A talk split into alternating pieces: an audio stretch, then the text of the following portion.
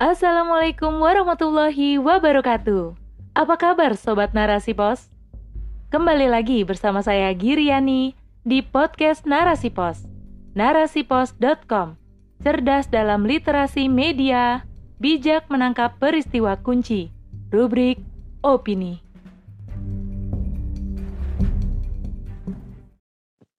Kekerasan merajalela di mana peran negara oleh Imro Atus Soleha, relawan opini, kontributor narasipos.com. Aksi penganiayaan terhadap bayi kembali terjadi. Kali ini menimpa seorang bayi berusia 4 bulan di desa Mato Anging, kecamatan Banti Murung, Kabupaten Maros, Sulawesi Selatan. Bayi tersebut meninggal setelah dianiaya dengan dibanting ke lantai oleh seorang pria Sabtu 22 Oktober 2022 pukul 4 Wita Akibat bantingan tersebut, sang bayi mengalami luka parah di bagian kepala. Kapolsek Bantimurung, Ibtu Farid Hasan, yang dikonfirmasi membenarkan adanya kejadian tersebut. Iya, benar. TKP-nya di Desa Moto Anging, tingkatnya. Sementara itu di Medan, Sumatera Utara, sepasang suami istri yang diduga cekcok hingga mengakibatkan sang istri tewas bersimbah darah di pinggir jalan Mandala Bypass Kecamatan Medan Tembung, Kota Medan, Sumatera Utara pada Sabtu 22 Oktober 2022 sekitar pukul 23 WIB. Menurut informasi yang didapat, sang istri yang tewas dibunuh suaminya di pinggir jalan Mandala Bypass dengan menggorok leher bagian belakang. Tak sampai di situ, masih banyak kasus-kasus kekerasan lainnya yang menggurita di negeri pertiwi ini mulai dari kekerasan seksual hingga kasus-kasus pembunuhan dengan berbagai motif. Berita tentang kekerasan, baik penganiayaan, tawuran, hingga pembunuhan ini seolah tak pernah henti menghiasi lini masa platform media, baik cetak, televisi, maupun media online yang kita baca setiap harinya. Maraknya kasus tersebut menunjukkan betapa tak amannya hidup dan tak berharganya nyawa manusia. Pemicunya pun beragam, dari masalah ekonomi, depresi, emosi yang tak terkendali, masalah asmara, dan lainnya. Tak kalah memprihatinkan, pelaku kekerasan kerap dilakukan oleh orang terdekat, seperti keluarga, tetangga, teman, bahkan kedua orang tua, baik laki-laki ataupun perempuan. Begitu juga tempat kejadian kekerasan tak jarang terjadi di sekolah, tempat kerja, di jalanan, bahkan di rumah yang notabene-nya adalah tempat berlindung justru menjadi tempat meregang nyawa. Hampir semua tempat tak luput dari tindak kekerasan. Sungguh mahal harga keamanan saat ini. Tak dapat dimungkiri, hidup dalam sistem kapitalisme yang memisahkan agama dari kehidupan, membuat halal dan haram tidak lagi dikenali. Teknologi semakin maju, namun keimanan kian lemah. Sementara itu, tolak ukur perbuatan hanya sebatas untung dan rugi.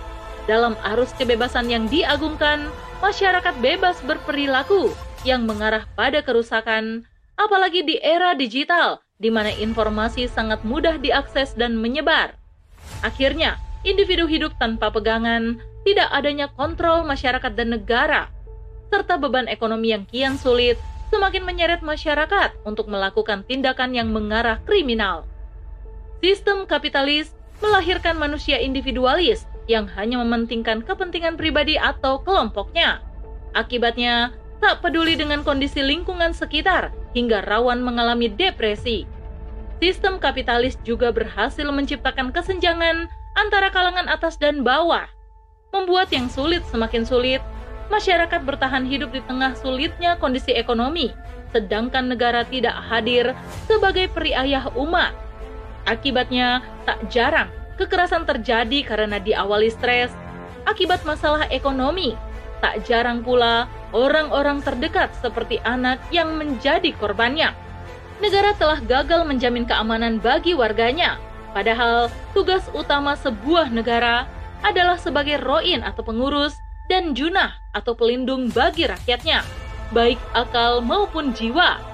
Namun, di sistem kapitalis, semua itu tidak terwujud sistem kapitalis yang berlandaskan asas sekulerisme atau pemisahan agama dari kehidupan terbukti hanya menghasilkan kerusakan di berbagai aspek, baik peraturan, perasaan, juga pemikiran. Kerusakan inilah yang menjadi penyebab maraknya kekerasan. Hilangnya peran agama dalam kehidupan telah menghasilkan individu yang jauh dari Tuhannya, sehingga tidak ada rasa takut akan dosa, berperilaku secara bebas, bahkan menganggap remeh nyawa manusia. Ditambah lagi lemahnya hukum yang diterapkan, membuat pelaku kekerasan tidak jera atau takut, bahkan membuat orang lain mengikuti langkahnya. Dan jika hal ini terus dibiarkan, kerusakan di tengah masyarakat akan terus berlanjut. Sedangkan negara tak jarang malah mengeluarkan kebijakan yang semakin menekan rakyat, yang menjadi biang munculnya berbagai tindak kekerasan.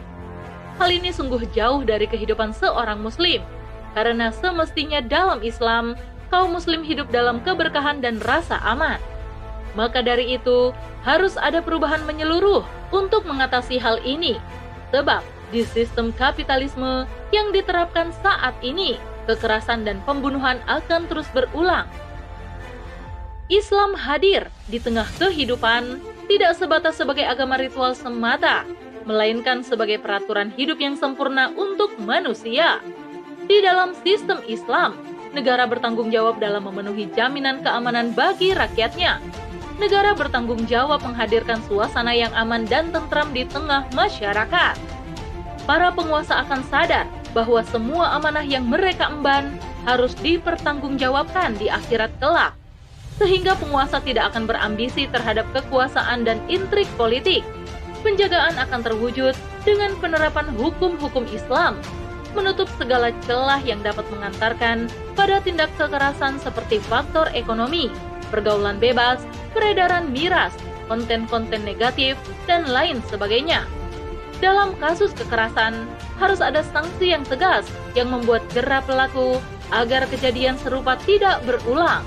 Islam menindak pelaku kekerasan atau pembunuhan dengan sanksi yang keras, sebab rakyat berhak mendapatkan jaminan atas nyawa, harta, dan darahnya. Tak hanya tindakan yang disengaja, Islam juga menindak perbuatan yang tidak disengaja, meski tidak seberat kejahatan yang disengaja. Rasulullah Shallallahu Alaihi Wasallam bersabda, hancurnya dunia lebih ringan di sisi Allah dibandingkan terbunuhnya seorang Muslim. Hadis riwayat An-Nasai. Islam mengenal kisos, yaitu hukuman terhadap pelaku pembunuhan dan penganiayaan, yakni memberikan perlakuan yang sama kepada pelaku. Sanksi berupa hukuman badan atau harta kekayaan atau diat bagi pelaku. Apakah disengaja, mirip disengaja, atau tidak disengaja. Sanksi diberikan sesuai kadar kejahatan yang dilakukan, dan yang paling berat adalah hukuman mati. Sanksi dalam Islam bertindak sebagai jawabir atau penebus dan jawazir atau pencegah. Sebagai penebus dosa bagi pelaku, serta mencegah yang lain bertindak serupa. Hal ini untuk mendidik masyarakat agar selalu ada di jalan yang benar. Dengan penerapan Islam secara menyeluruh dalam semua aspek kehidupan, tidak ada tempat bagi berbagai kerusakan seperti hari ini. Sebab syariat Islam menjamin keamanan dan kehormatan jiwa, akal, darah, harta, dan akidah. Dengan hadirnya para penguasa yang takut kepada Allah Subhanahu wa taala sehingga benar-benar menjalankan tugasnya sebagai peri ayah dan pelindung rakyat melalui pelaksanaan hukum Islam akan menciptakan individu dan masyarakat bertakwa yang senantiasa beramar ma'ruf nahi mungkar, sehingga menciptakan kontrol masyarakat. Keberadaan negara yang berlandaskan Islam akan memastikan pelaksanaan syariat Islam secara sempurna yang mengembalikan fitrah manusia, sehingga keberkahan dan rahmat akan terwujud bagi seluruh alam. Wallahu a'lam bishawab. Wassalamualaikum warahmatullahi wabarakatuh.